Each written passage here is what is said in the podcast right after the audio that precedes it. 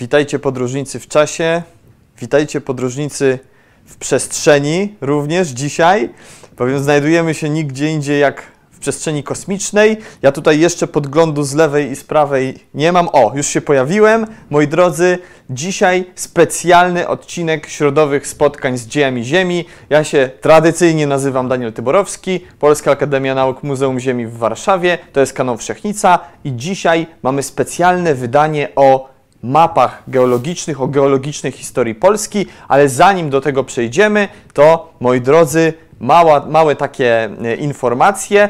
Pewnie już niektórzy z Was o tym e, wiedzą, już na pewno słyszeli na poprzednim wykładzie, ale zapewne nie wszyscy. Przypominamy zatem naszego dziejoziemiowego maila dziejeziemi 100 małpa gmail.com. To jest nasz adres mailowy, na którym możecie jeszcze przez tydzień przysyłać do nas pytania o tematyce paleontologicznej, o tematyce geologicznej, o tematyce związanej z historią życia na Ziemi, o tematyce związanej ogólnie z przeszłością geologiczną naszej planety, wszelkiej maści pytania, jakie Was interesują, bowiem za tydzień jest specjalna edycja, specjalne wydanie naszych środowych spotkań, takie 100 pytań e, o dzieje Ziemi, część druga, bo pierwsza była pół roku temu, e, na, w trakcie której ja będę Wam odpowiadał na Wasze różne ciekawe e, pytania, które przez ten czas y, zadajecie. Już widziałem, że sporo tych pytań trafiało na naszego maila, więc moi drodzy, y, ja się postaram powybierać jakieś najciekawsze ciekawsze smaczki z tego, co tam zapytujecie. No i za tydzień to ja cały czas będę odpowiadał na te Wasze pytania. No i co? To moi drodzy tyle, a tymczasem w tym nowym settingu zaczynamy nasz dzisiejszy wykład. Moi drodzy, zwabieni na dzisiejsze środowe spotkanie zostaliście taką oto mapką, którą widzimy tutaj z, z widzicie po mojej e, tutaj e, lewej stronie. To jest mapa geologiczna Polski e, i ta mapa ona pokazuje budowę geologiczną naszego kraju. Jeszcze tą poprzednią mapkę poproszę na chwilę. Tą mapkę o. I na tej mapce mamy zaznaczone e, kolorkami różne skały, różne skały. E, każdy kolor odpowiada innemu okresowi geologicznemu. To jest mapa Polski, jakbyśmy zdjęli z niej utwory mm, te kenozoiczne, najmłodsze i widzimy starszą budowę geologiczną. Mamy Góry Świętokrzyskie, o tutaj, tutaj, tutaj gdzieś tam mamy, prawda, Karpaty, tu mamy niż polski, wszystko to ładnie widać. Ale my dzisiaj nie będziemy się skupiali na takiej zwykłej budowie geologicznej, ale na mapach paleogeograficznych, zaczynając od takiej oto mapy, bowiem naszą wędrówkę zaczniemy od okresu kambryjskiego. To jest. Yy, dzisiejsze wszystkie mapy będą wyglądały w ten sposób. Na górze mamy taką po prostu czystą mapkę, paleogeograficzną, natomiast na dole mamy tę samą mapę, tylko na nią mamy ponakładane różne rzeczy. I ja, jak taka wasza paleontologiczna czy geologiczna pogodynka, będę dzisiaj tutaj machał, pokazywał, co jest co, będę mówił różne nazwy i tłumaczył Wam, o co tutaj w tych mapach chodzi. Y, nie będę tłumaczył samego mechanizmu przesuwania się elementów dokładnie na tej mapie, czyli jak się ruszają kontynenty, jak się to wszystko przesuwa, ponieważ kiedyś już wykład o podobnej tematyce był y, na kanale, to jest wykład y, pierwszy, zdaje się, z naszych środowych spotkań, wykład nosił nazwę Mapy dawnej Ziemi, więc wszystkich zainteresowanych tym, jak to się w ogóle dzieje że te kontynenty względem siebie się przesuwają, że się zderzają i tak dalej, to zachęcam, odsyłam tam. Tam pokazywaliśmy sobie takie ogólne mapy całej naszej planety, ale dzisiaj się skupimy na Polsce, bo Polska będzie nas najbardziej interesowała. Ale ogólnie, żeby omówić o historii geologicznej Polski, trzeba się odwołać do takiej szerszej geologii regionalnej. I na tym będziemy się dzisiaj skupiać tak e, naprawdę. Dlatego na tych mapach nie będziemy mieli Polski jako dużego obszaru na środku, ale jak widzicie tutaj na tej mapie kambryjskiej mamy tutaj o zaznaczone jakieś fragmenty, mamy kontury znanych Wam pewnie państw, bo tu mamy gdzieś Ukrainę, tu mamy Rosję na górze, mamy tutaj o kraje nadbałtyckie, tam gdzieś dalej, dalej jest sobie Hen Skandynawia, no a tutaj mamy, o, o, o, o, o, tu mamy Polskę, ale jak widzicie ta Polska nie jest cała, bowiem w Kambrze jeszcze całej Polski w jednym miejscu nie było. My sobie dojdziemy do tego, jak to się stało, że tak naprawdę już Polska powstała tak geologicznie oczywiście, więc dzisiaj będą prawdziwe początki państwa polskiego. No to zaczynamy. Jesteśmy na tej mapce kambryjskiej i moi drodzy, mamy tutaj kilka elementów. Y, one są podpisane, tak jak mówię, najważniejsze podpisy są na dole. Ja wszystkich nie będę mm, wymieniał, wszystkich nie będę tłumaczył, tylko te, które są dla Was najważniejsze, które z tego naszego polskiego punktu widzenia chcę, żebyście y, możliwie mm, jak najwięcej tych elementów ważnych zapamiętali. Zatem mamy y, Baltikę, to tutaj figuruje jako Baltic, Baltica Plate. To jest kontynent Baltika, czasami Bałtyka się mówi, ale przeważnie Baltika. No i jak widzimy, Polska tutaj się znajduje na, e, jest częścią właśnie e, tejże Baltiki. No nie cała Polska, tylko powiedzmy od linii Koszalin, Rzeszów, tak byśmy sobie te linie wytyczyli. E, dalej na południe, ponieważ tutaj północ jest na górze mapy, tak tradycyjnie, dalej trochę na południowy, powiedzmy na południowy zachód mamy kontynent Laurencja i to jest to, co w przyszłości stanie się Ameryką Północną. No i gdzieś tu, tu, tu, o tu, na południowy, na południe, południowy wschód mamy jakiś taki drobny archipelag lądów, wysp, mamy jakąś Awalonię, dalej na południe mamy Gondwanę. Pomiędzy tymi wszystkimi lądami mamy oceany, mamy tutaj, widzimy jest sobie ładnie to wszystko podpisane. E, jest e, ocean Tornquista, dalej między powiedzmy Gondwaną bardziej a tą Laurencją będzie ocean Iapetus. To ocean Tornquista jest tutaj między Baltiką a tąże e, Laurencją. I to jest ten układ wyjściowy. Tak to mniej więcej wyglądało w Cambrze. Tu mam, macie podpisane dokładnie daty. O, o, o, o, o, tu. Cambr mamy około te 500 milionów lat temu, więc startujemy z pułapu czasowego pół miliarda lat tak naprawdę. No i teraz taki jest pierwotny układ i co się dzieje dalej? Moi drodzy, dalej Mamy, będą się one zmieniały, te mapki z różnej strony, żeby Was to nie znużyło. Mamy, przechodzimy do Ordowiku, te mniej więcej 450 milionów lat później, czyli się przesunęliśmy w czasie o około 50 milionów lat. Wszystko to zaczyna nam się mniej więcej tak konsolidować. Dąży to nam do jedności. I y, co bardziej uważni z Was, w trakcie tego wykładu na pewno y, zauważą, że generalnie to będzie taki cykl łączenia się tych lądów, a potem ich rozpadu. To jest taki cykl właśnie mm, e, geotektoniczny, o którym też sobie mówiliśmy przy jednym z poprzednich wykładów. O jego mechanizmach, tak jak mówię, dzisiaj za dużo nie będziemy rozmawiać, ale zwróćcie uwagę, że tutaj między Cambrem a Ordowikiem już te lądy nam się tak lgną do siebie.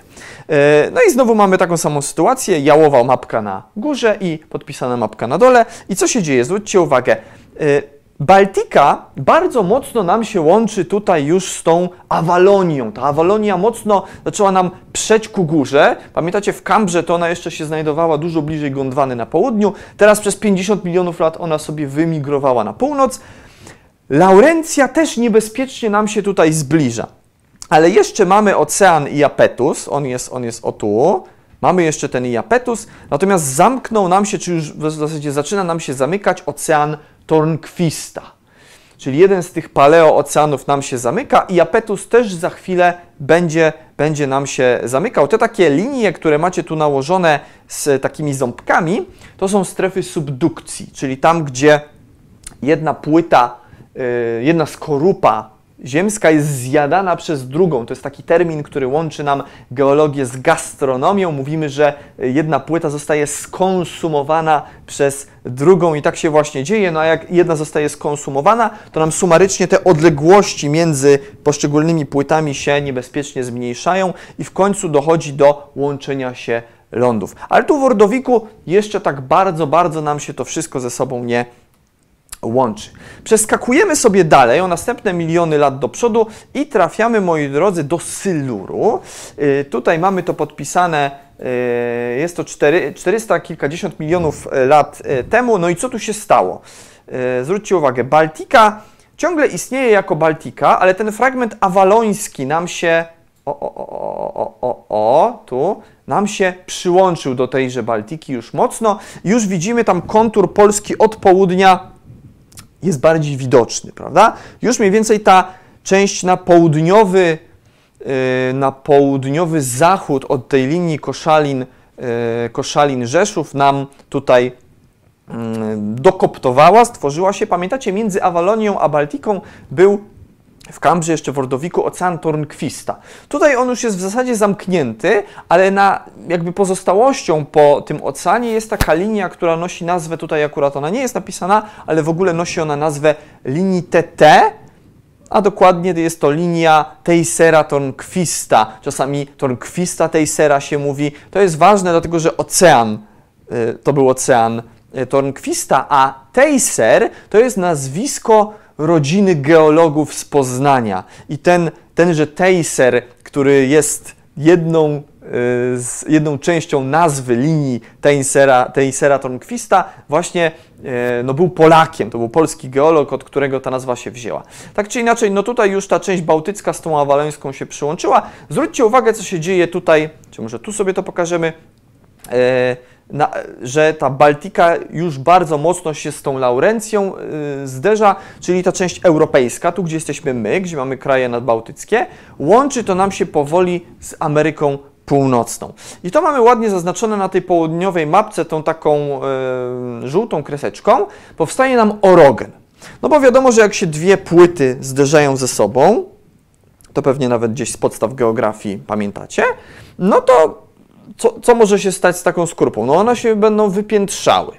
I to się tutaj dzieje, powstaje taki orogen, e, orogen kaledoński właśnie z połączenia tych, e, tych, e, tych dwóch lądów i on tworzy nam, jest jakby tym, tym takim szwem, który nam będzie łączył te poszczególne tutaj części, które do tej pory były osobne, czyli Baltikę, Awalonię i Laurencję. Szybko lecimy dalej o kolejne miliony lat i przetransportujemy się do, moi drodzy, Devonu.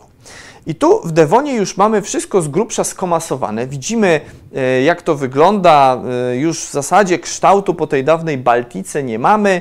E, no, ładnie nam się wszystko to połączyło. Mniej więcej takie już całkowite połączenie się tej części bałtyckiej z częścią tą laurentyjską e, wypada na granicy Sylur-Devon, czyli te mniej więcej powiedzmy no, 400 milionów lat temu, tak z grubsza. E, no i mamy ładnie ten orogen, który jest takim tutaj, takim ładnie tym spoiwem, które nam łączy e, te, te lądy, prawda? Na dole dalej ma, już pojawia nam się Gondwana. Ona była w zasadzie niewidoczna na poprzednich mapach. W Kambrze widzieliśmy tę gondwanę lekko, lekko, ledwo co na południu. Tutaj ona nam już gdzieś tam wyśmyrgła z tej południowej części świata i to już nam znowu zapowiada, że teraz to, co powstało z połączenia Awalonii, Baltyki i Laurencji, będzie się z tą gondwaną łączyło. E, kontur Polski tu widzimy. On jest w Dewonie, tutaj, o tutaj mamy Polskę mniej więcej, tu, tu, tu, tu, tu, widzicie to. Tam się wcinają jakieś płytkie morza od południa na ten kontynent. Właśnie, nie powiedziałem najważniejszej rzeczy. Jak się ten kontynent nazywa?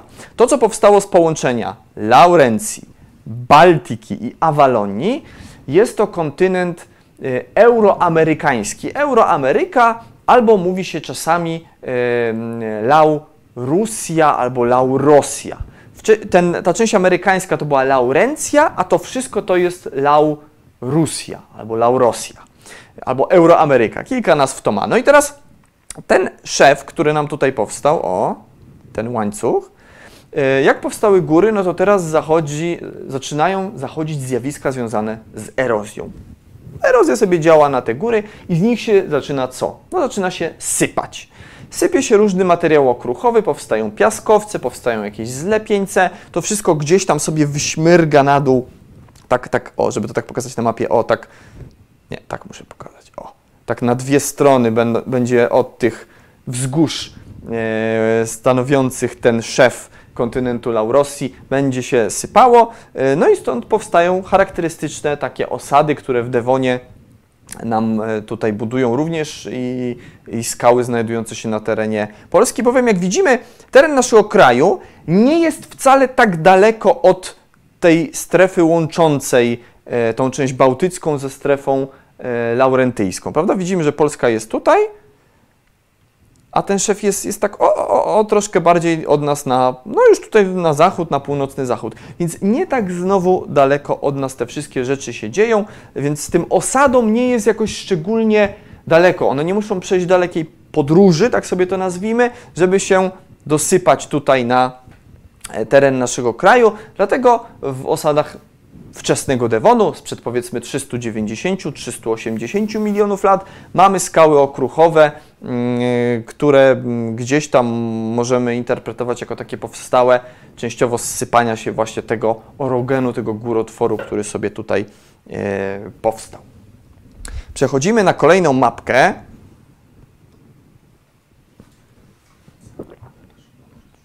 Moi drodzy, mamy, mamy tutaj e, teraz okres karboński e, i karbon jest tym okresem, gdzie już powoli dochodzimy do historii związanych z tym chyba najsłynniejszym paleokontynentem, czyli z Pangeą. Zwróćcie uwagę, tutaj już w zasadzie mało jest do rozpoznania tych takich elementów charakterystycznych z tych poprzednich map. Po dawnej Baltice, Laurencji już śladów w zasadzie nie ma. Polska, Polska na tej mapce no jest tu, tutaj gdzieś, o tu mniej więcej, tu, tu, tu, tu, tu, tu, tu, tu, o tu. To jest wszystko skomasowane. Mm, ta Gondwana, która była na poprzedniej mapce na południu, ona nam dobiła, ona jest tak, tak o tutaj, dobiła nam do tej części północnej. To się gdzieś tutaj połączyło, ale bardzo ciekawe rzeczy się dzieją na wschodzie, czy na południowym wschodzie. W ogóle już możemy mówić od karbonu o powstaniu superkontynentu Pangea. Laurencja zderza się nam z Gondwaną, mamy tę Pangeę. Powstał nowy górotwór, taki waryscyjski tym razem, który tutaj biegnie sobie w ten sposób. On on stanowi szef między tą dawną północą a południem, ale bardzo ciekawe rzeczy się dzieją tutaj.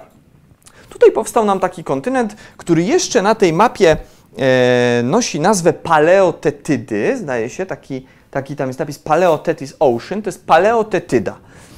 Tak się nazywał ten ocean na początku. On, I on będzie cały czas zlokalizowany tutaj po tej takiej wschodniej, południowo-wschodniej stronie kontynentu Pangei. I on się będzie tak wcinał takim klinem w tę Pangeę w ten sposób. Ale teraz, moi drodzy, y, o co chodzi z tą, z tą, z tą tutaj y, paleotetydą? Czemu to nie jest po prostu tetyda? Jeszcze w karbonie nie możemy mówić dlaczego, ale miejcie to na uwadze, że to na razie jest paleotetyda, a nie tak naprawdę y, ocean tetyda. Za chwilę to się wszystko wyjaśni, kiedy następuje zmiana nazwy, bowiem zobaczycie, że za momencik w mezozoiku, że to wcale nie jest taka kwestia czysto terminologiczna. To nie jest coś takiego, e, że sobie tak geolodzy wymyślili i od tej pory będzie tetyda, wcześniej była paleotetyda. To ma swoje wyjaśnienie, za chwilę to zobaczycie. Tak czy inaczej, e, w karbonie mamy to wszystko tak zmiksowane, mamy ten jeden superkontynent, e, no tutaj pod koniec karbonu teren naszego kraju i w ogóle teren Europy, zwróćcie uwagę, po raz pierwszy od w zasadzie zawsze przynajmniej od kiedy my te mapy analizujemy, od początku Kambru, to teren Polski i Europy całkowicie pokrywają lądy. Szacuje się, że pod koniec okresu karbońskiego, to mniej więcej 300 milionów lat temu, czy powiedzmy 290 milionów lat temu, w zasadzie morza znikły z Europy. Ostatnie amonity gdzieś tam znikają z terenów naszego kontynentu właśnie pod koniec okresu mm, karbońskiego. Oczywiście ostatnie w, tutaj w paleozoiku, później jeszcze się pojawią, jeszcze, jeszcze w Permie się pojawią, ale te ostatnie związane z tym epizodem wypłucania się podczas powstawania superkontynentu Pangea.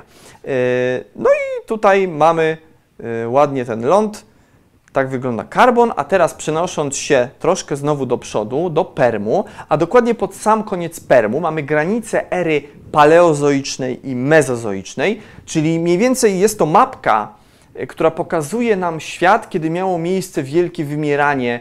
To największe wymieranie w dziejach, wymieranie permskie, mniej więcej 250 milionów lat temu. E, no to widzimy, że tutaj troszkę się pozmieniało. Powstały jakieś płytkie morza, bo jeszcze w Permie, tak jak powiedziałam, te morza wracają. I tutaj od północy, od mniej więcej Arktyki, wcinają nam się jakieś zbiorniki morskie na teren Europy.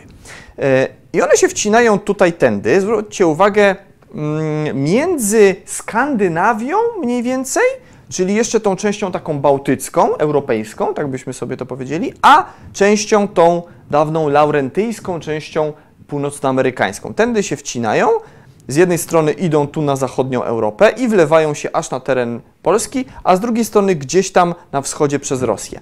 I teraz ten zbiornik morski, który istnieje tu, na terenie Europy Zachodniej i wlewa się na teren naszego kraju, to jest tak zwane Morze Cechsztyńskie.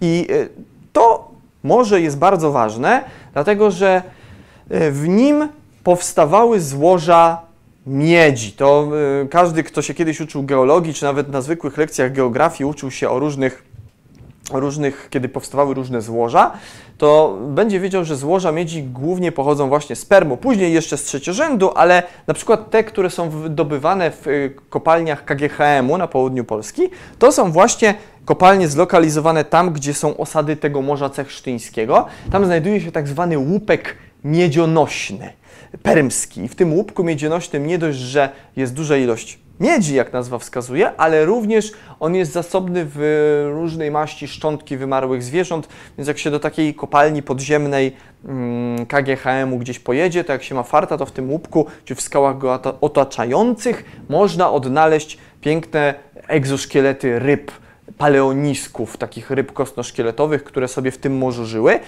ale musicie pamiętać, moi drodzy, że ten basen cechsztyński był zbiornikiem bardzo takim ubogim w życie. Tam się nie żyło najlepiej. Pamiętajcie, że to jest koniec Permu. Tutaj nie mamy nie mamy jakichś sielskich warunków. Mimo, że to tak z perspektywy tej mapy może wyglądać dosyć przyjemnie, że mamy jakieś płytkie morze gdzieś tam się tutaj rozlewające po Europie. Nie, nie, nie. To był zbiornik raczej taki e, jałowy, ciężko tam się żyło. Było bardzo mało gatunków amonitów i konodontów w tym morzu. Tych ryb rzeczywiście, paleonisków, ryb kosnoszkieletowych generalnie trochę było i w tym łupku jest ich całkiem spora różnorodność. Natomiast nie wyobrażajcie sobie, że to był jakiś zbiornik, nie wiem, tak jak te, o których później będziemy rozmawiać w erze mezozoicznej. Na południe od naszego kraju e, niewiele się zmieniło od karbonu, ciągle nam się ten ocean paleo, paleotytyda tutaj wcina teraz w moją stronę, ja jestem po stronie Pangei, to się tak wcina tutaj do nas, klinem idzie i zwróćcie uwagę, to już zapowiadam te zmiany, które się w mezozoiku będą działy. Na południu jest jakiś taki archipelag wysp tutaj, może zwróćcie uwagę. Coś tam się odrywa od tej Gondwany. Coś tam się zaczęło od tej części gondwańskiej, bo to jest oczywiście połączone ciągle jest Pangea, ale od tej części gondwańskiej coś tam się odrywa i powoli, powoli to coś będzie zmierzało na północ. To jest tutaj nawet podpisane, zwróćcie uwagę, jest podpisane Cimeria. Cimeria. To będzie bardzo ważne. Jeszcze to jest gdzieś blisko tej części gondwańskiej, ale to za chwilę zacznie swoją migrację ku północy. No i przechodzimy, moi drodzy, do ery mezozoicznej. Jesteśmy w Triasie, pierwszym okresie mezozoiku. Trias mniej więcej 225 milionów lat temu. Ciągle mamy Pangeę, ciągle mamy ten jeden superkontynent. Y, za wiele się tutaj nie zmieniło, poza tym, że poznikały nam te zbiorniki cechsztyńskie. Już nie mamy, nie mamy tego morza, które się wcinało od północy, ale taki ślad, zwróćcie uwagę, z tej Arktyki tutaj pozostał. Mamy taki ślad lądowy, coś tam się z tą skorupą dzieje, są takie obszary obniżone, gdzieś jakaś taka pozostałość po tych morzach permskich e, została. Tutaj zresztą widzimy, o, o, o, tu na zachodzie, gdzieś tam nam się ta skorupa, coś tam się z nią dzieje, ale to jeszcze w Triasie jest jeden taki zbity e, blok lądowy. I teraz zwróćcie uwagę, co się dzieje na południu na, na tej mapce, gdzie jest ocean Tetydy, bo Polskę mamy o tutaj, tuż nad oceanem Tetydy, ale zaraz pod nami są te płytkie morza związane z oceanem. I teraz zwróćcie uwagę, że to, co było podpisane jako ta Cimeria, to się oderwało od Pangei i to sobie tutaj widzimy, o, o, o, tu leci ku górze, tak? Jest tutaj. Było dużo dalej na południe. I teraz tych, tych, tych cimerii będzie kilka. To będzie kilka takich bloków i one będą co jakiś czas się odrywały od tej części południowej, gondwańskiej i sobie leciały ku północy. I teraz e, ten, ten pierwszy jakby blok, który się tam oderwał, on stanowi tę niejako granicę, kiedy się kończy ta paleotetyda, a kiedy się zaczyna tetyda. I teraz to, co jest na, na północ od tej cimerii, na północ, tu, mamy tą Cimmerię mniej więcej na tej mapie, tu, tym jasnym kolorem. I tu widzicie ciemny kolor na północy. To jest skorupa oceaniczna, to jest e, paleotetyda. Natomiast na południe od Cimmerii, o tu, mamy znowu kolor ciemno-niebieski i to już jest tetyda. Czyli różnica jest taka, paleotetyda kończy się w momencie, kiedy odrywa się od tej części gondwańskiej ten blok zwany Cimmerią i to wszystko, co jest na północ od tej Cimmerii, to jest paleotetyda, a ta nowa skorupa oceaniczna, która jest na południe od Cimmerii, to jest już tetyda. Więc to są dwa zupełnie różne zbiorniki. To nie jest tak, że sobie istniał jeden ocean przez miliony lat i po prostu geolodzy się umówili, że no dobra, to od Triasu czy od Jury, teraz będziemy mówili Tetyda. Nie, nie, nie, nie. To ma swoje takie geotektoniczne, nazwijmy to, podłoże. Oderwał się kawałek skorupy od tej części gondwańskiej, leciał, leciał na północ. I tu jeszcze zobaczcie, tu mamy zdjęcie, mamy tę mapę z Triasu z tego czasu, kiedy mamy jeszcze i mamy w zasadzie kawałek tej paleotetydy zachowany i na południu mamy tetydę. To tak dla Waszej wiedzy, że w pewnym sensie to były takie dwa oceany, które trochę funkcjonowały gdzieś tam obok siebie, no ale to wszystko na razie na południe od nas. Tu już widzicie, że generalnie e, granice większości państw europejskich od momentu skonsolidowania w Pangeę możemy wyróżnić, bo już Polska sobie tam cała świetnie daje radę. Tu mieliśmy no, te kraje takie bałtyckie, no to generalnie już istniały wcześniej. Tutaj na zachodzie coś tam jeszcze można by dorzucić, ale generalnie to już powoli, powoli coraz bardziej będzie przypominało znaną nam Europę. Y, południowa część kontynentu jeszcze tak nie bardzo przypomina siebie, ale w miarę postępu czasu geologicznego, jak te kolejne masy lądowe będą sobie napływały na północ, no to wszystko to będzie się ze sobą elegancko łączyło. No to przechodzimy dalej. Jesteśmy w okresie jurajskim. Dokładnie dwie mapy mam dla Was z okresu jurajskiego. To jest początek Jury, te mniej więcej 200 milionów lat temu. I tu zwróćcie uwagę, pierwsza rzecz, to co sobie powiedzieliśmy przed chwilą. No, już mamy w zasadzie tetydę. Po tej paleotetydzie niewiele zostało. Ona by była gdzieś tu, prawda? Natomiast y, to jest ta Cimeria, czy to, co z niej zostało. Ona sobie gdzieś tam przydrywowała na północ. Na mapce na dole macie tą Cimerię nawet podkreśloną żółtą taką rameczką. To pamiętacie z poprzednich mapek, co oznaczała żółta rameczka? Ona oznaczała, że tam jest jakiś orogen, jakiś górotwór. No bo skoro ta Cimeria sobie popłynęła po ku górze, no to jak się zderzyła ze skorupą kontynentalną na północy, no to musiało dojść do wypiętrzenia. Więc tam gdzieś na południe, południowy wschód od nas sobie już ta cimeria się przymocowała. Już mamy taką prawilną tetydę, a nie paleotetydę. E, I teraz bardzo ciekawe rzeczy zaczynają się dziać na kontynencie europejskim. Jak sobie to porównacie z poprzednią mapą, tą triasową, no to tam mieliśmy zwarty blok lądu, tam się niewiele działo w Triasie, ale w Jurze zaczynają się dziać bardzo ciekawe rzeczy, które za chwilę zobaczycie, jak mocno prze montują nam Europę i przemontują nam Polskę. E, tak jak powiedziałem parę slajdów wcześniej, ten cały układ paleogeograficzny, te zmiany paleogeograficzne, to jest taki cykl łączenia, a potem rozpadu. I do tej pory mieliśmy raczej łączenie, ale teraz dochodzimy do momentu rozpadu. Zwróćcie uwagę, zachodnia Europa, i tu w ogóle zachodnia część mapy, pokryła się znowu płytkimi morzami. Jeszcze w Triasie tego nie było, a teraz Pangea została pociosana jakimiś tutaj yy, takimi zbiornikami morskimi, płytkimi, jeszcze rozwijającymi się na skorupie, yy, na skorupie kontynentalnej, a nie oceanicznej, ale to już nam zwiastuje duże, duże zmiany. Moi drodzy, skąd się zaczęły te zmiany? Pamiętacie ten szlak północny między Grenlandią a tą częścią północnoamerykańską, tam gdzie była ta, coś tam z tą skorupą się działo, tutaj to zaczęło pękać właśnie wzdłuż tej granicy przez tak zwane, powstały tak zwane morza e, tutaj takie, czy taki przesmyk grenlandzki, na to się czasami mówi, czy takie morza właśnie e, grenlandzko-norweskie, przesmyk grenlandzko-norweski, morze grenlandzko-norweskie, to zależy e, gdzie zajrzymy, to różnie to się może nazywać. I to w tym miejscu, o tutaj zaczęło nam to pękać, o tu. Stąd zaczyna nam pękać ta skorupa. I wo woda, tak y, kolokwialnie mówiąc, zaczyna nam się wlewać od północy. Więc ten, te pęknięcia w Europie zaczynają nam się od północnego zachodu między właśnie Grenlandią a Ameryką Północną i to potem zalewa nam całą tutaj Europę, tą część zachodnią na razie. Polska już jest taka w miarę zalana, chociaż tutaj raczej dominuje jeszcze ląd. Góry Świętokrzyskie to był ląd. Gdzieś tutaj już były we wczesnej Jurze powoli zaczęły nam wkraczać z tego północnego zachodu płytkie morza. Zresztą mamy to nawet ładnie podkreślone tutaj takim ciemniejszym kolorkiem, jak to sobie tam idzie. E, natomiast jeszcze tutaj dominuje ląd. Później w trakcie Jury te morza będą nam zdobywały coraz większą część tej mapy. No dobra, ale nie powiedziałem najważniejszej rzeczy.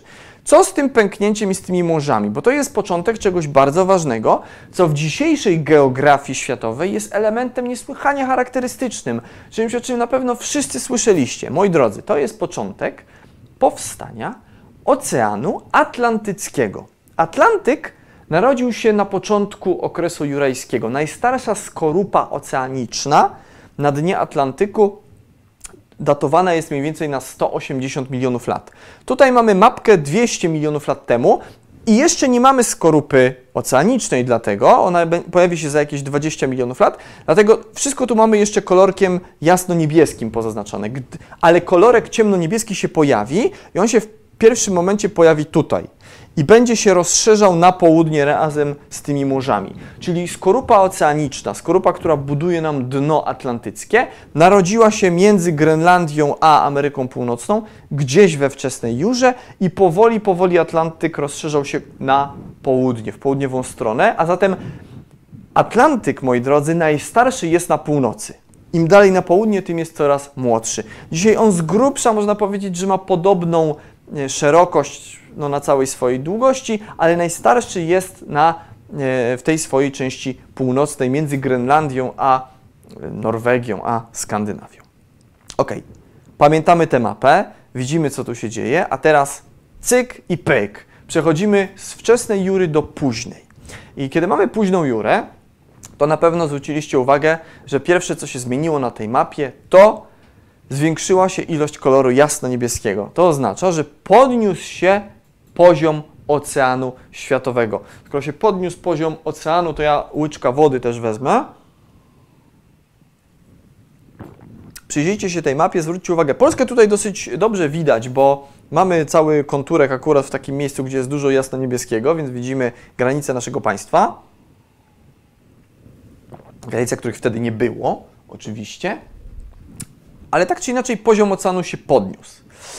Mamy tutaj już ten Atlantyk gdzieś tam sobie, tu on na zachodzie jest widoczny, jak sobie tutaj popękał, gdzieś tutaj też te morza nam się ciągną dalej. I teraz zwróćcie uwagę, Polska jest w tym miejscu, gdzie była. Polska nie ma za sobą jakichś takich szczególnie jakichś bardzo dynamicznych przemian, żeby ona, nie wiem, ulegała rotacji, przekręcała się gdzieś. Coś takiego raczej tutaj nie wchodzi w grę, chociaż są takie koncepcje, które mówią, że w starszym paleozoiku ten kontynent bałtycki ulegał rotowaniu i się przekręcił. To z badań paleomagnetycznych niektórzy tak sądzą, ale nie wszyscy geolodzy są co do tego zgodni. Natomiast zwróćcie uwagę, tutaj w Jurze zaczyna nam się formować zachodnia część Europy. Ten blok, który teraz wskazuję moim palcem, o ten, to jest Iberia. To jest to, co w przyszłości stanie się Hiszpanią i Portugalią. To jest Półwysep Iberyjski po prostu. Ale zwróćcie uwagę, że on jest taki przekręcony. Ta granica, o ta, to jest granica, ta atlantycka granica Portugalii.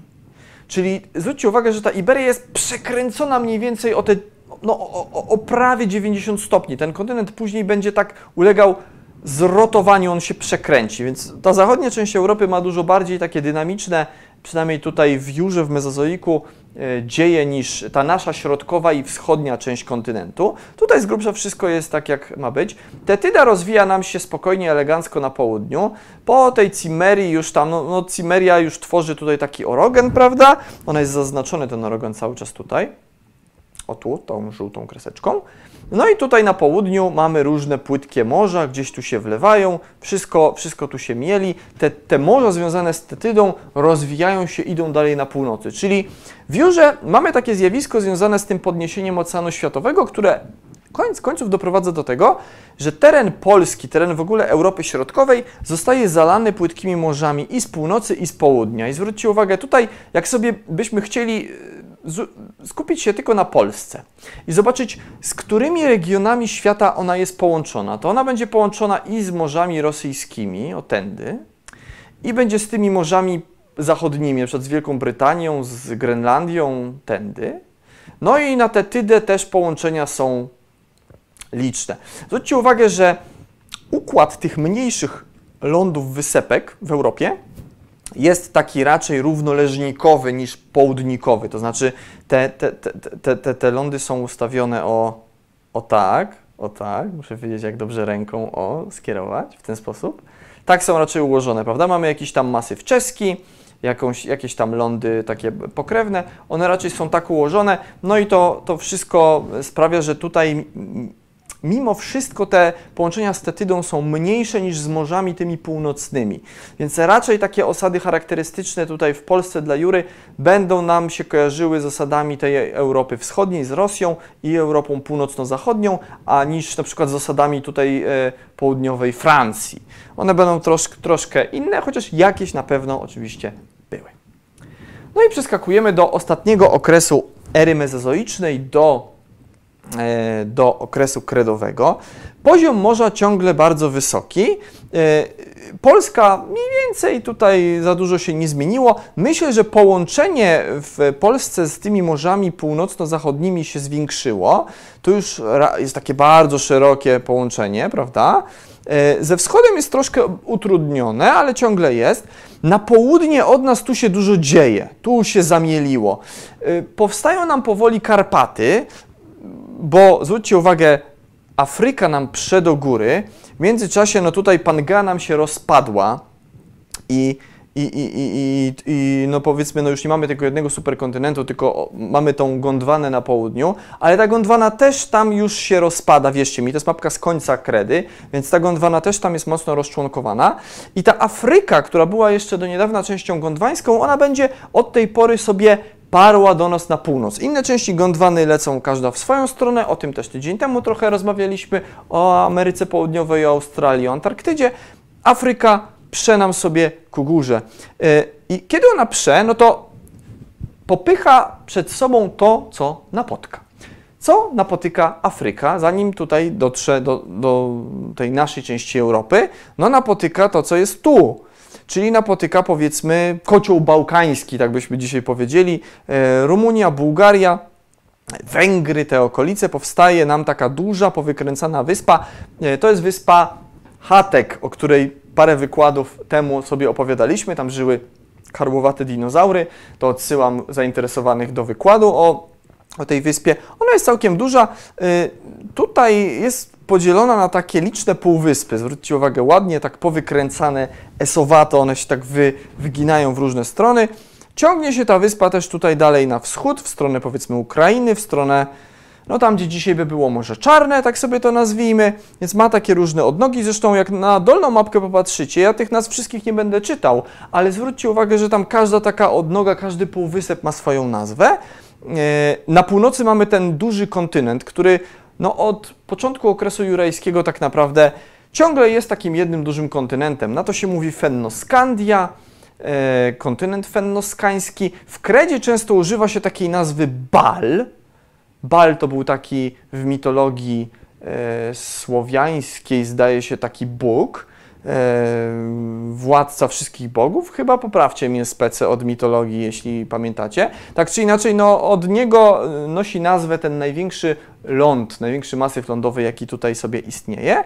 E, zwróćcie uwagę, Iberia trochę bardziej nam się przykleiła tutaj do Europy trochę nam się odrotowała bardziej, ale ciągle jest tak pod kątem nachylona, ale to już za chwilę na następnej mapie powinna, powinna już się przekręcić tak normalnie do tego ułożenia, które znamy dzisiaj. Poziom oceanu w kredzie cały czas bardzo, bardzo wysoki. No i przeskakujemy do naszej ery kenozoicznej. Jesteśmy, moi drodzy, w oligocenie. E, tu się dużo zmieniło w tym czasie. W zaledwie powiedzmy 20 20, 20 kilka milionów lat, poziom oceanu nam zmalał. Mniej więcej, zaraz chwilkę zanim ta mapa została, e, zanim to zdjęcie tej mapy zostało zrobione, tak sobie to powiedzmy, czyli chwilkę przed początkiem oligocenu, e, miały miejsce gwałtowne zmiany klimatu, więc poziom oceanu się obniżył, więc już na przykład Afryka jest no, w dużo większej części lądem niż morzem. Jeszcze na poprzedniej kredowej mapce to był generalnie e, zbiornik morski, tam były płytkie morza. Tutaj te płytkie morza jeszcze gdzieś w tej wschodniej części Afrykę zalewają, ale tak jest to całkiem solidny blok lądowy. No i teraz w Europie dzieją się ciekawe rzeczy. Ta Afryka cały czas prze nam ku górze. Ona tutaj mocno, mocno ciągnie ku górze i ten ocean Tetydy nam się zamyka. Po prostu kończy się jego czas. E, jeszcze pozostałość w oligocenie mamy, tej tetydy, ale widzicie, pojawiły się strefy subdukcji. To jest to czarne kreseczki z tymi ząbkami, czyli ta skorupa jednak tam będzie się wcinała jedna pod drugą. Ta skorupa oceanu tetydy wcina się pod kontynent europejski i dochodzi do powstawania E, alpidów, czyli tych wszystkich najmłodszych łańcuchów górskich. Alpy, Karpaty, Alpidy szeroko pojęte nam powstają. No i to jest kolorkiem pomarańczowym, to już pewnie wiecie z tych map. Pomarańczowy to są rogeny, górotwory. To nam się tutaj wszystko, wszystko właśnie komasuje, jak ta Afryka prze, no to to nam się komasuje, powstają nam łańcuchy górskie. E, Zachód Europy już, już całkiem przypomina to, co mamy dzisiaj. Ta Iberia się tutaj ładnie odrotowała, ale ciekawe rzeczy w tej naszej części świata się dzieją. Tetydę mamy na południu, ale tutaj jest taka pozostałość jeszcze po tetydzie w postaci takich płytkich, szelfowych, bo zaznaczonych kolorem miasta niebieskim, mórz. To nam się ostało. I to zalewa nam częściowo Polskę. Y, to jest coś, y, co będziemy sobie nazywali tym razem nie paleotetydą, nie tetydą, ale jest to paratetyda. To jest też taka pozostałość po tych północnych częściach oceanu Tetydy, po tych płytkich morzach, które tutaj jeszcze w Kredzie tę środkową Europę i część Azji zalewały. One, zwróćcie uwagę, że ta, że ta paratetyda, ona jest, no już w zasadzie w tym momencie w oligocenie jest odseparowana od tej swojej części takiej e, prawdziwie tetyckiej, prawda? To, to, to się ze sobą raczej tutaj nie łączy, mm, chociaż tak zwyczajowo no, mówi się, że to jest ciągle ten jakby część oceanu tetydy, ale no, jest to zbiornik, który się paratetyda nazywa. I teraz jak przejdziemy sobie do miocenu, czyli tutaj mamy mapkę akurat sprzed kilkunastu milionów lat, to widzicie, e, że to już bardzo, bardzo przypomina dzisiejszy układ geograficzny, ale jeszcze coś się dzieje z tą e, z tym, z tym oceanem Tetydy i z tą paratetydą. E, pozostałość tego oceanu Tetydy no, zaczyna nam formować tutaj Morze Śródziemne i Morze Czarne. Gdzieś to się łączy, właśnie Morze Czarne to jest raczej ta część związana z tą paratetydą. Paratetyda ciągnie się o tutaj do nas. Ona tutaj w tym rejonie się formują Karpaty. Polskę mamy zaznaczoną i zwróćcie uwagę, wtedy w Miocenie, kiedy jest ta mapa, morza zalewały Polskę nie od północy, ale od południa. No i gdzieś tutaj zalewały nam teren Karpatów i dochodzą aż do gór świętokrzyskich, i na terenie południowego obrzeżenia Gór Świętokrzyskich mamy liczne stanowiska e, paleontologiczne z osadami e, z tego czasu, ze skamieniałościami bogatymi. E, mamy korytnicę, gdzie była taka zatoczka, bo jak ten, jak ten zbiornik tu się tak wcinał w Góry Świętokrzyskie, to on się wcinał takimi zatokami. I powstawały takie zatoki bardziej na kształt no, jakichś dzisiejszych zatok, e, czy takich, e, takich mórz, jak kojarzycie pewnie gdzieś w Grecji, jak jedziecie na wakacje do Grecji czy do, czy do Chorwacji, gdzie mamy płytko, miło, przyjemny zbiornik, w którym sobie żyją jeżowce, jakieś mięczaki, tego typu fauna, ale zaraz obok były inne zatoki, już takie bardziej w stylu dzisiejszego norweskiego fiordu. I to jest na przykład Zatoka Pinczowska, Mm, w których było głębiej i tam powstawały wapienie, węglon wapnia, bo w korytnicy, w tych płytkich, takich bardziej otwartych zatokach tam powstawały e, iły i łowce, natomiast w e, tych takich bardziej przypominających fiordy to powstawały wapienie. No i właśnie w Pinczowie mamy tego typu, no może nie, nie w taki prawdziwy fiord, ale taką zatokę w tym stylu i tam znajdujemy skamieniałości wielorybów, delfinów, morświnów, krokodyli, rekinów, więc już takiej dużej fauny, która raczej w takim głębszym zbiorni zbiorniku sobie pływała i przypływała tutaj, podpływała pod sam ten północno-zachodni kraniec właśnie mm, e, paratetydy tu na teren województwa świętokrzyskiego. Więc zapamiętajcie to, że jeszcze nie tak dawno temu, te kilkanaście milionów lat temu, nawet kilka milionów lat temu jeszcze, jeszcze jakbyśmy zobaczyli tę mapkę powiedzmy 5 milionów lat temu, czy 8, to jeszcze by te morza tutaj od południa nam e, ten nasz region zakrywały, czy dochodziły do nas, a Bałty po Bałtyku jeszcze śladu nie ma, niestety. No i ostatnia mapka na dzisiaj. Szybko żeśmy dobili do, do dnia współczesnego, ale ta mapka pokazuje dwa cięcia czasowe tym razem.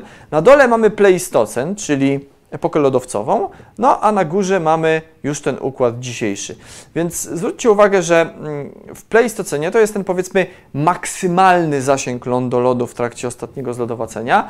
Już układ geograficzny był bardzo, bardzo zbliżony do tego dzisiejszego, no tylko oczywiście lądolody sięgały dalej na południe i dopiero kiedy ta czasza lodowa ustąpiła, czy, czy te, te, te no, lądolody ustąpiły, to powstał Bałtyk, więc Bałtyk to jest bardzo, bardzo świeża sprawa w geografii naszego kraju, bo Bałtyk no, ma to też zależy kogo zapytać, ale pierwsze takie zbiorniki, które dały początek Bałtykowi, no to sięgają tych powiedzmy 10-12 tysięcy lat temu, kiedy lądolody zaczęły się cofać.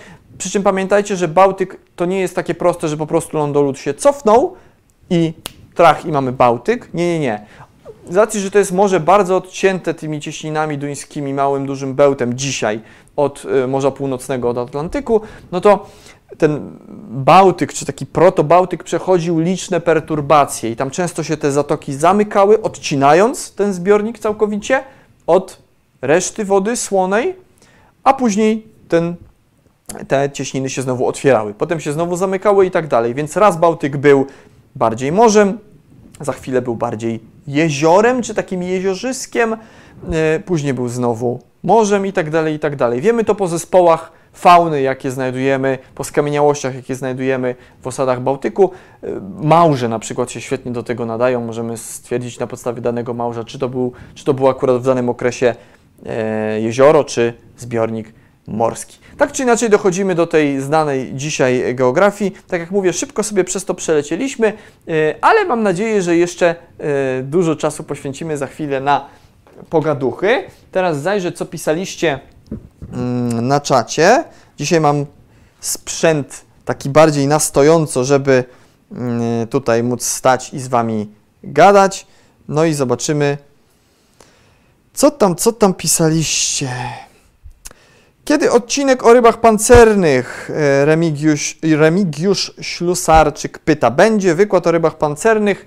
Planuję no, po nowym roku sobie zrobimy na pewno. Myślę, że nie wiem, czy jakoś tak od razu szybko, szybko, bo jeszcze trochę innych tematów mam Wam obiecanych, ale na pewno wykładzik jakiś o rybach pancernych będziemy e, robić. Myślałem o takim ogólnie wykładzie o w ogóle o rybach dewońskich, o kręgowcach dewońskich, mm, e, nie tylko rybach pancernych, ale i na przykład rybach fałdopłetwych, o pierwotnych rybach kostnoszkieletowych. O tym trochę było, ale myślę, że fajnie by było tak ugryźć tę faunę dewońską całościowo, to znaczy ogólnie, jak już będziemy o e, rybach pancernych, to w ogóle o kręgowcach dewońskich sobie pogadać.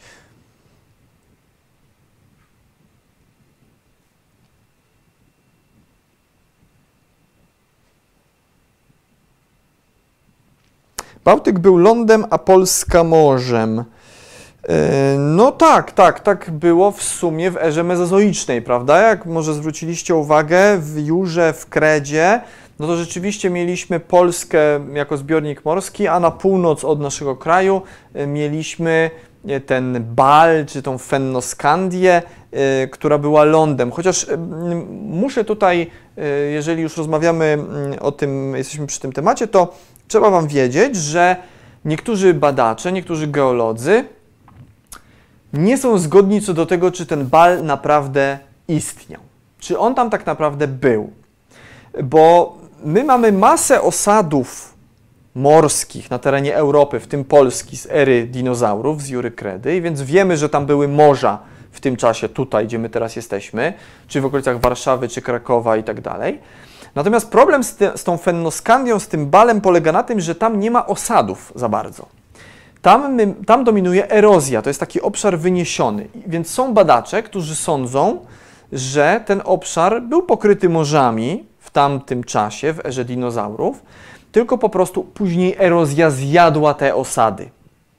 E, ale tak jak mówię, na razie my za mało mamy danych geologicznych, żeby móc tak jednoznacznie, jednoznacznie stwierdzić, czy naprawdę tak było. Trzeba by znaleźć jakieś nowe stanowiska geologiczne na terenie Skandynawii, w Szwecji, w Norwegii, w Finlandii, może jakieś osady z dna na Bałtyku e, jurajskie czy kredowe, żeby dokładnie móc to stwierdzić. Chyba mamy za małą wiedzę e, na ten temat jeszcze, ale pamiętajcie o tym, że przedstawia się ten bal na mapach często, często się go pokazuje, ale czy on tak naprawdę był, tego do końca nie wiemy. Jeszcze geologia ma dużo przed nami do pokazania.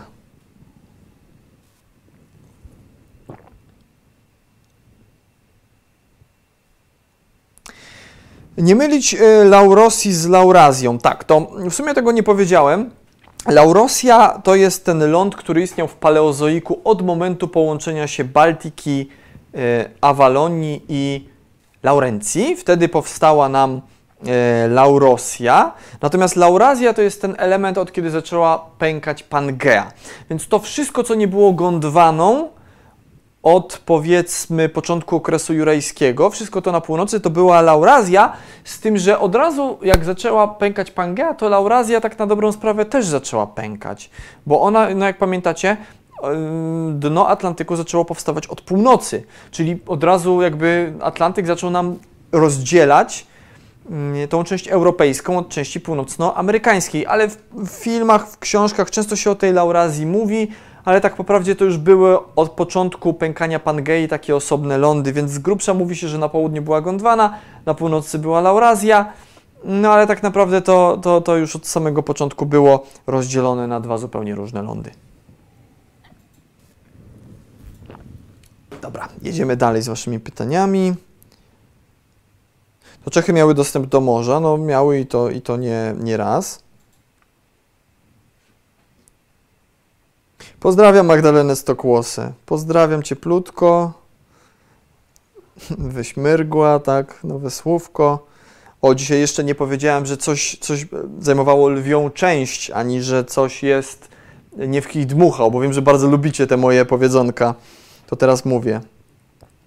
Że taka pangea, jak pękała ten Atlantyk, to nie w kij dmuchał.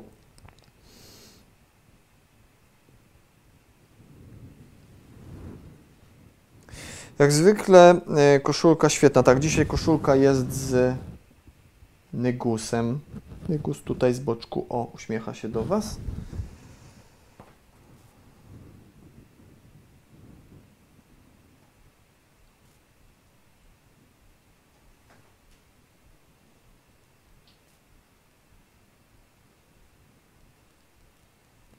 No dzisiaj trochę jak pogodynka. No taki był zamysł, że dzisiaj to miało trochę wyglądać jak jak nie wiem, jak Tomek Zubilewicz, czy, czy co, coś w ten deseń. Chociaż ja raczej stałem w miejscu, ale no, no, no. Dajcie w ogóle znać, co sądzicie o takiej formie prowadzenia wykładu. Wiem, że jeszcze pewnie trochę wprawy nie mam e, z dokładnym tutaj pokazywaniem, co jest gdzie, bo to taki, taki one-shot na razie, e, taka próba, wymyśliliśmy sobie taką nową formułę. Dajcie znać, czy to Wam się w ogóle podoba, czy może macie jakieś pomysły na tego typu wykłady e, w, w, tym takim settingu, że nie siedzę przy biureczku i, i, i tutaj mam taką zwykłą prezentację, tylko coś się dzieje za mną, ja coś pokazuję, może pomyślimy w przyszłości jeszcze więcej tego typu e, spotkań sobie zrobimy.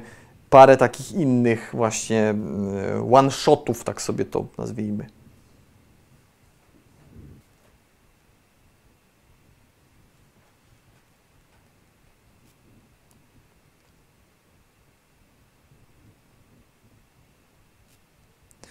Nie mogę tak odejść, gdy kusi mnie grzech, SpongeBob Kanciastoporty. My na geologii śpiewaliśmy e, zamiast czerwony jak cegła. Ja wiem, że wy mnie kusicie, żebym ja to zaśpiewał po prostu, bo, pewnie są tu geolodzy, którzy to znają. Myśmy śpiewali czerwony spongowiec, zlepieńce chcę mieć, a potem nie mogę tak odejść, gdy kusi mnie perm. To już teraz macie, zaśpiewałem. Możecie z tego robić jakieś, jakieś me- memy, nie wiem. Paleontology Dinosaur. Napisałem do Was na ten Gmail, mam nadzieję, że odpiszecie. Yy, zaglądamy na maila, zaglądamy, wszystko widzimy. Ja, ja nie mam, wiecie, czasu odpisywać wszystkim yy, na te maile, bo dużo tych maili przychodzi, ale ja wszystkie maile widzę. Każdy będzie brany pod uwagę do yy, QA za tydzień.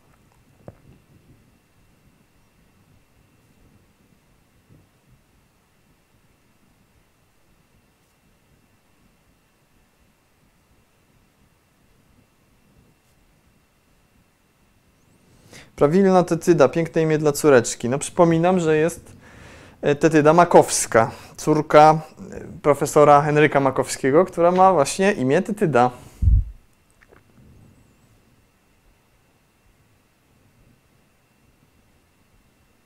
Czy można określić, kiedy góry świętokrzyskie były najwyższe i ile miały wysokości? E, Martin Marcin. W ogóle z tymi górami świętokrzyskimi to jest trochę taki mit, że to są najstarsze góry w Polsce, czy najstarsze góry w Europie, czy jeden z najstarszych w Europie. Y, tak się chyba jeszcze uczy dzieci na lekcjach geografii, ale powiem Wam, że geolodzy mają do tego zupełnie inny y, punkt widzenia, dlatego że y, co to znaczy najstarsze góry? Czy mówimy o najstarszych, o, czy, czy jakby jako datę, jako ten wiek, mówimy o skałach, które budują te góry, czy mamy na myśli, wiecie, góry w sensie orograficznym, że już te wyniesienia? Bo to jest zupełnie co innego. Skały sobie mogły powstać, na przykład mamy w Górach Świętokrzyskich skały kambryjskie. E, pamiętacie kamieniową Wiśniówka? Kiedyś, kiedyś Wam opowiadałem, tam gdzie pani e, profesor Żylińska trylobity odkopuje i, i e, tro, ślady, tropy trylobitów. No to, to to są skały, które mają skały, mają ponad 500 milionów lat. Ale góry świętokrzyskie wypiętrzyły się tak naprawdę stosunkowo niedawno. E, góry świętokrzyskie wypiętrzyły się trochę przypadkiem. Bo to nie jest, góry świętokrzyskie to nie jest taki klasyczny orogen, tak jak Karpaty czy Sudety, e, tylko to jest taki punkt e, przecięcia kilku takich struktur geologicznych. Po pierwsze, wypiętrzały się na południu Polski Karpaty, na dole się Karpaty wypiętrzały i przed takim zwykłym e, orogenem, przed łańcuchem górskim istnieje zazwyczaj zapadlisko i przed Karpatami jest zapadlisko przedkarpackie i na samym przodzie takiego zapadliska jest taki punkt wyniesiony, taki wzgórek. Więc to jest pierwsza rzecz, ten wzgórek na początku zapadliska przedkarpackiego. A druga rzecz to jest to, że doszło do tak zwanej inwersji bruzdy polsko-duńskiej. To jest bardzo długa historia, której nie chcę tutaj wprowadzać i podejrzewam, że dla większości laików może być ona niezrozumiała. Jeżeli bardzo byście chcieli wiedzieć, co to jest bruzda polsko-duńska, to kiedyś mogę taki wykład przygotować o takiej bardziej geologii regionalnej może. Tak czy inaczej, ta część Europy, tak w dużym uproszczeniu, od Danii tutaj do Polski na, na tej linii idąc Dania-Polska, wyobraźcie sobie tę linię na mapie, przez większą część czasu geologicznego to była bruzna, to było zagłębienie. I to mniej więcej tej, w miocenie jakoś uległo, uległo takiej inwersji, czyli ta, ten dół stał się wzgórkiem. Po prostu doszło do inwersji takiej morfologicznej. I teraz na przecięciu tej bruzdy polsko-duńskiej z tym punktem wyniesionym na przedpolu, na przedpolu e, zapadliska przedkarpackiego, tam są Góry Świętokrzyskie. Więc to po prostu powstało z przecięcia się takich dwóch linii w pewnym sensie. Więc Góry Świętokrzyskie same w sobie nie są takim orogenem, tylko są yy, takim oknem erozyjnym. To jest miejsce, gdzie po prostu teren się nagle wyniósł z różnych przyczyn innych, ze zbiegu tych dwóch zjawisk E, I te skały młodsze uległy e, erozji. E, więc jako góry w pewnym sensie, jako ten obiekt morfologicznych wyniesień orograficznych, no to, to to jest młoda historia z miocenu powiedzmy. Natomiast skały budujące góry świętokrzyskie, no to, to, to mogą mieć nawet stare, być stare jak Kambr.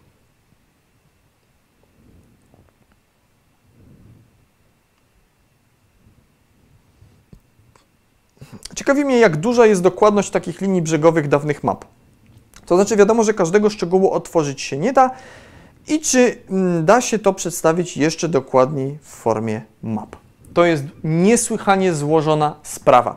Te mapy, wszystkie, które dzisiaj widzieliście, one pochodzą z takiej strony, y, z której geolodzy, paleontolodzy często korzystają. Strona się nazywa y, Deep Time Maps, Maps of Ancient Earth. Link do tej strony możecie znaleźć w opisie tego wykładu. Tam powinien się znajdować ten link. I tam jak sobie klikniecie na tę stronę, no to te mapki możecie sobie pooglądać. I to są takie generalne mapy paleogeograficzne, jakie się stosuje w muzeach czy w publikacjach naukowych, ale każdy badacz może stworzyć własną taką mapę na podstawie różnych swoich własnych badań. O tym szerzej mówiłem na wykładzie mapy dawnej Ziemi, który był e, kiedyś e, tutaj w naszym cyklu środowych spotkań, to możecie sobie tam znaleźć, bo e, no, każdy może stworzyć sobie taką mapę, wiecie, danego obszaru i w dowolnej skali. Czy będzie miał na myśli tylko Polskę, czy będzie miał na myśli całą Europę, czy jakiś fragment Europy.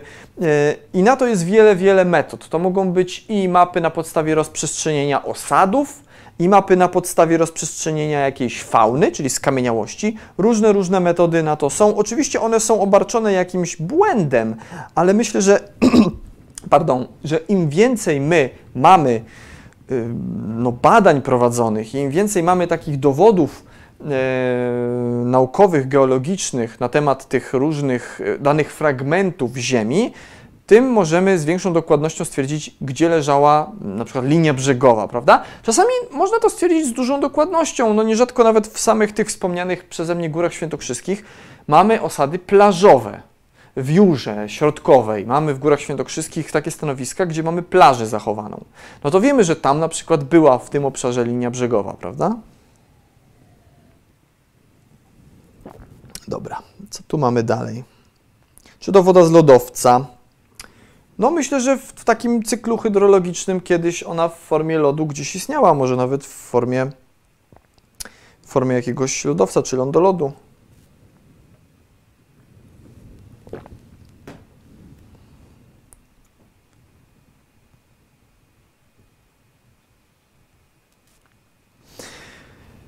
Jak wysokie były góry w Polsce wiele wieków temu i ile ich występowało? Tak ściśle naukowo to się tego powiedzieć chyba nie da, dlatego że no my nie mamy dobrej takiej metody, żeby ocenić jaka by, jaka by była dokładna wysokość e, góry w przeszłości geologicznej, dlatego że te góry ulegają erozji i my ich jako takich zachowanych nie mamy. My mamy pewne pewne takie wskaźniki geologiczne, pewne markery geologiczne, że w ogóle były góry. Tak jak Wam mówiłem o tym, że w Dewonie, jak powstał ten łańcuch górski, no to z niego się sypało, prawda?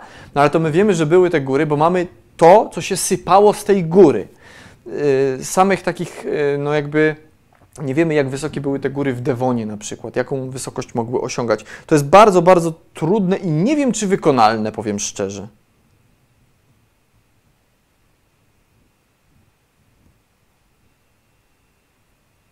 Wygląda na to, że mieszkańcom Polski przelewało się tylko w Mezozoiku.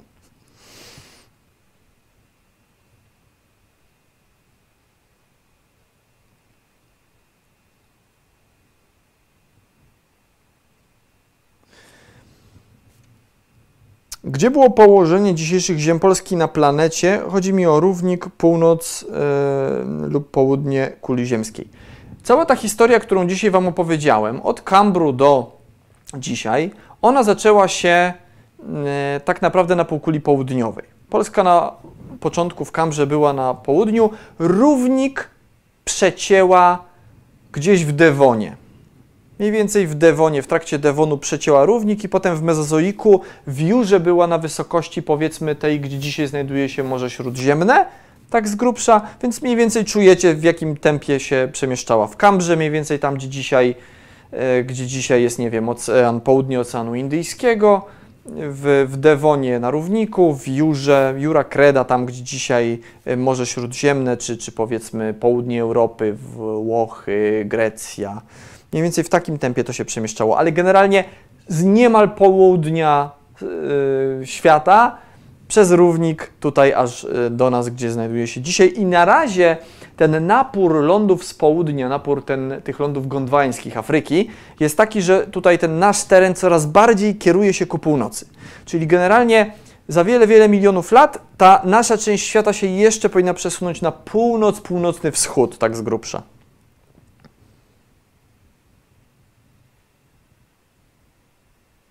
A Bal to mitologia Bliskiego Wschodu, Mroczny Dekarz, dziękuję bardzo, no to już wiemy.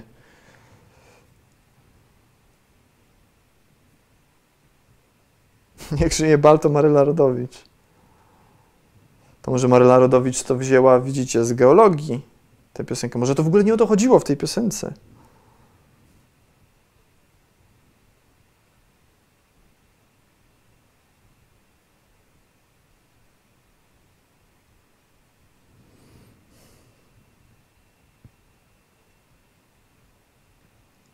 Czy w przyszłości można liczyć na dalsze zabawy formą wykładu?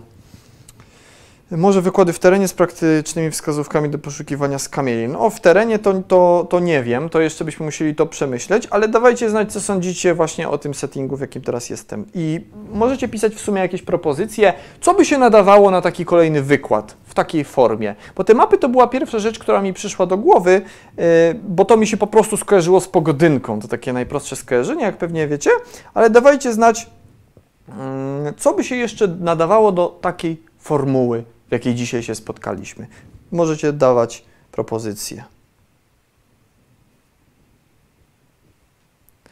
Wyobraźcie sobie doktora w kostiumie olbrzymiego trylo, trylobita. No to może w trylobita to może nie, ale może za tydzień was zaskoczę jakimś przebraniem. Nic, nic więcej nie mówię na razie.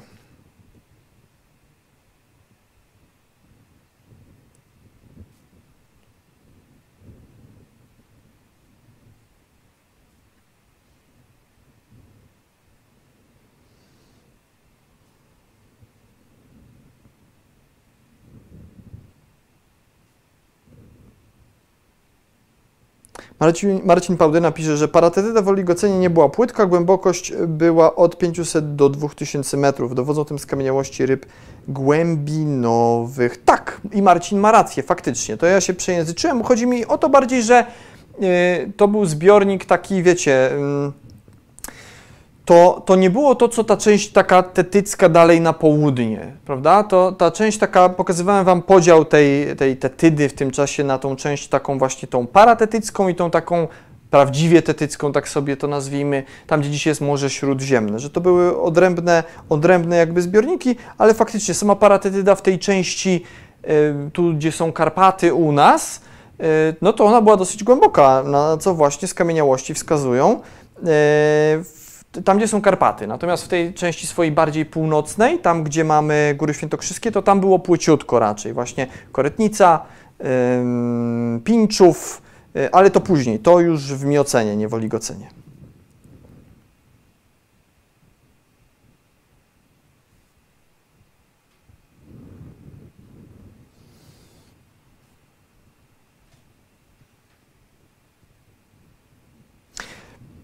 Polska większość czasu była zalana morzami, natomiast Finlandia zawsze była lądem. Jakie obserwujemy różnice geologiczne i paleontologiczne wynikające z tego faktu? To troszkę się do tego odwołałem na początku pytań. Yy, no właśnie problem jest taki, że my z tamtych terenów mamy mało takich osadów, yy, które by nam dawały dobry zapis geologiczny. To znaczy oczywiście w krajach bałtyckich ogólnie, nie tylko w Finlandii, no są stanowiska geologiczne, są stanowiska paleontologiczne, a jakże? Natomiast generalnie teren Skandynawii y, nie ma tak y, kompletnego zapisu, jak tutaj powiedzmy środkowa Europa, czy generalnie reszta kontynentu europejskiego. Więc my chyba więcej nie wiemy o takiej, dajmy na to, Finlandii, o jej przeszłości geologicznej, niż wiemy. No bo żeby wiedzieć, to trzeba mieć ten materiał kopalny, postaci profili geologicznych, a ich tam jest w gruncie rzeczy niedużo. E, szczególnie ja to mówię, e, szczególnie w odniesieniu do właśnie mezozoiku, Jura, Kreda. Wcześniej w erze paleozoicznej to jest inaczej. Tam jest myślę więcej e, tych stanowisk. Mm, ale, ale, ale generalnie no, to wracam do tego problemu z początku, czyli pytanie, czy to nie jest czasem tak, że tam były osady, tylko zostały zeżarte przez erozję, prawda? Nie wiemy tego. No dobrze, widzę, że już się pytania powoli pokończyły. O rybach pancernych Remigiuszu powiedziałem. E, Zrobimy sobie taki wykład, zrobimy na pewno. E, Miałem jeszcze taki pomysł, żeby zrobić e, może albo ogólnie o tych kręgowcach dewońskich, albo o na przykład o tym, jak powstały szczęki u kręgowców, bo tam byśmy mocno o te ryby pancerne zahaczyli. Dobrze, to jeszcze jest chwilka, moi drodzy, bo jest 10 po. To jest chwilka, żebyście jeszcze może jakieś pytania do dzisiejszego wykładu zadali, E, a tymczasem przypominamy o tym, kto jeszcze nie zadał pytania, to może to zrobić na naszym mailu e, dziejeziemi 100 małpa gmail.com, czyli nasz dziejoziemiowy adres e-mail. Tam możecie pytania zadawać na przyszły wykład. I jeszcze raz powtarzam, jeszcze raz przypominam, nie obiecuję Wam, bo nie mogę Wam tego obiecać po prostu, e, że e, to nie, to nie jest ta, wiecie, umowa wieczysta, czy jak to tam było w Harrym Potterze, że jak obiecam, to muszę dotrzymać, Mm, że wszystkie pytania, jakie zadacie, trafią na następny wykład, dlatego że jest ich po prostu tak dużo. My zdajemy sobie sprawę z tego, że Was bardzo dużo przybyło od poprzedniego QA, które miało miejsce pół roku temu przed wakacjami, a, już wtedy, jak się cofniecie do wykładu z czerwca, to już wtedy myśmy tam ponad półtorej godziny samym pytaniom poświęcili czasu. Ja wybiorę z tych Waszych pytań, które jeszcze do przyszłego tygodnia będziecie zadawać, wybiorę te najciekawsze, zrobię z nich prezentację, żeby nie było tylko mojej gadającej głowy, ale żeby się coś tutaj działo, żebyście mieli ładne obrazki, jakieś zdjęcia z publikacji, zdjęcia z kamieniałości i tak dalej, jak zawsze to, co tygrysy lubią najbardziej.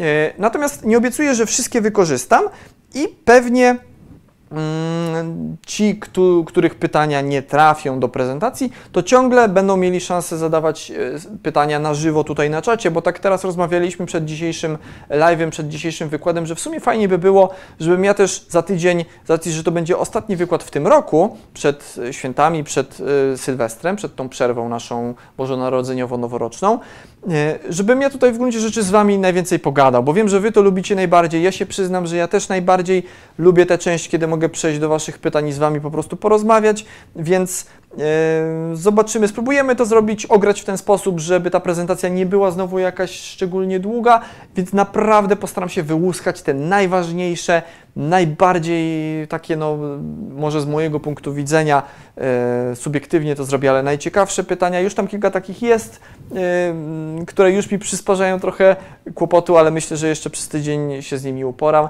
a resztę wykładu poświęcimy na gadanie sobie tutaj z Wami na czacie. Dobra, powoli będziemy się zbliżali do końca, bo już 13 po, także jest szansa na zadanie ostatnich pytań.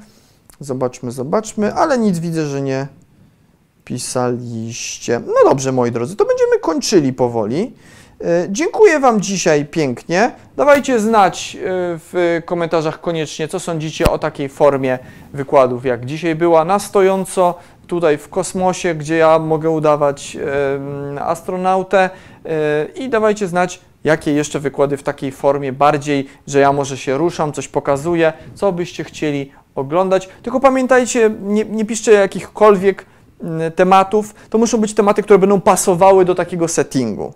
Także pomyślcie chwilkę, postarajcie się, na pewno coś fajnego wymyślicie. Ja też obiecuję jeszcze pokombinować i może za jakiś czas znowu się spotkamy w takim oto formacie. A tymczasem dziękuję Wam pięknie. Widzimy się za tydzień o 18 tu na kanale na specjalnym, świątecznym wydaniu środowych spotkań z Ziemi, Ziemi, gdzie będą Wasze pytania i moje odpowiedzi na nie. Ja się nazywam Daniel Tyborowski, Polska Akademia Nauk Muzeum Ziemi w Warszawie. To jest kanał Wszechnica. No i co? Do zobaczenia za tydzień. Paleontologiczne pozdrowienia dla Was. Cześć!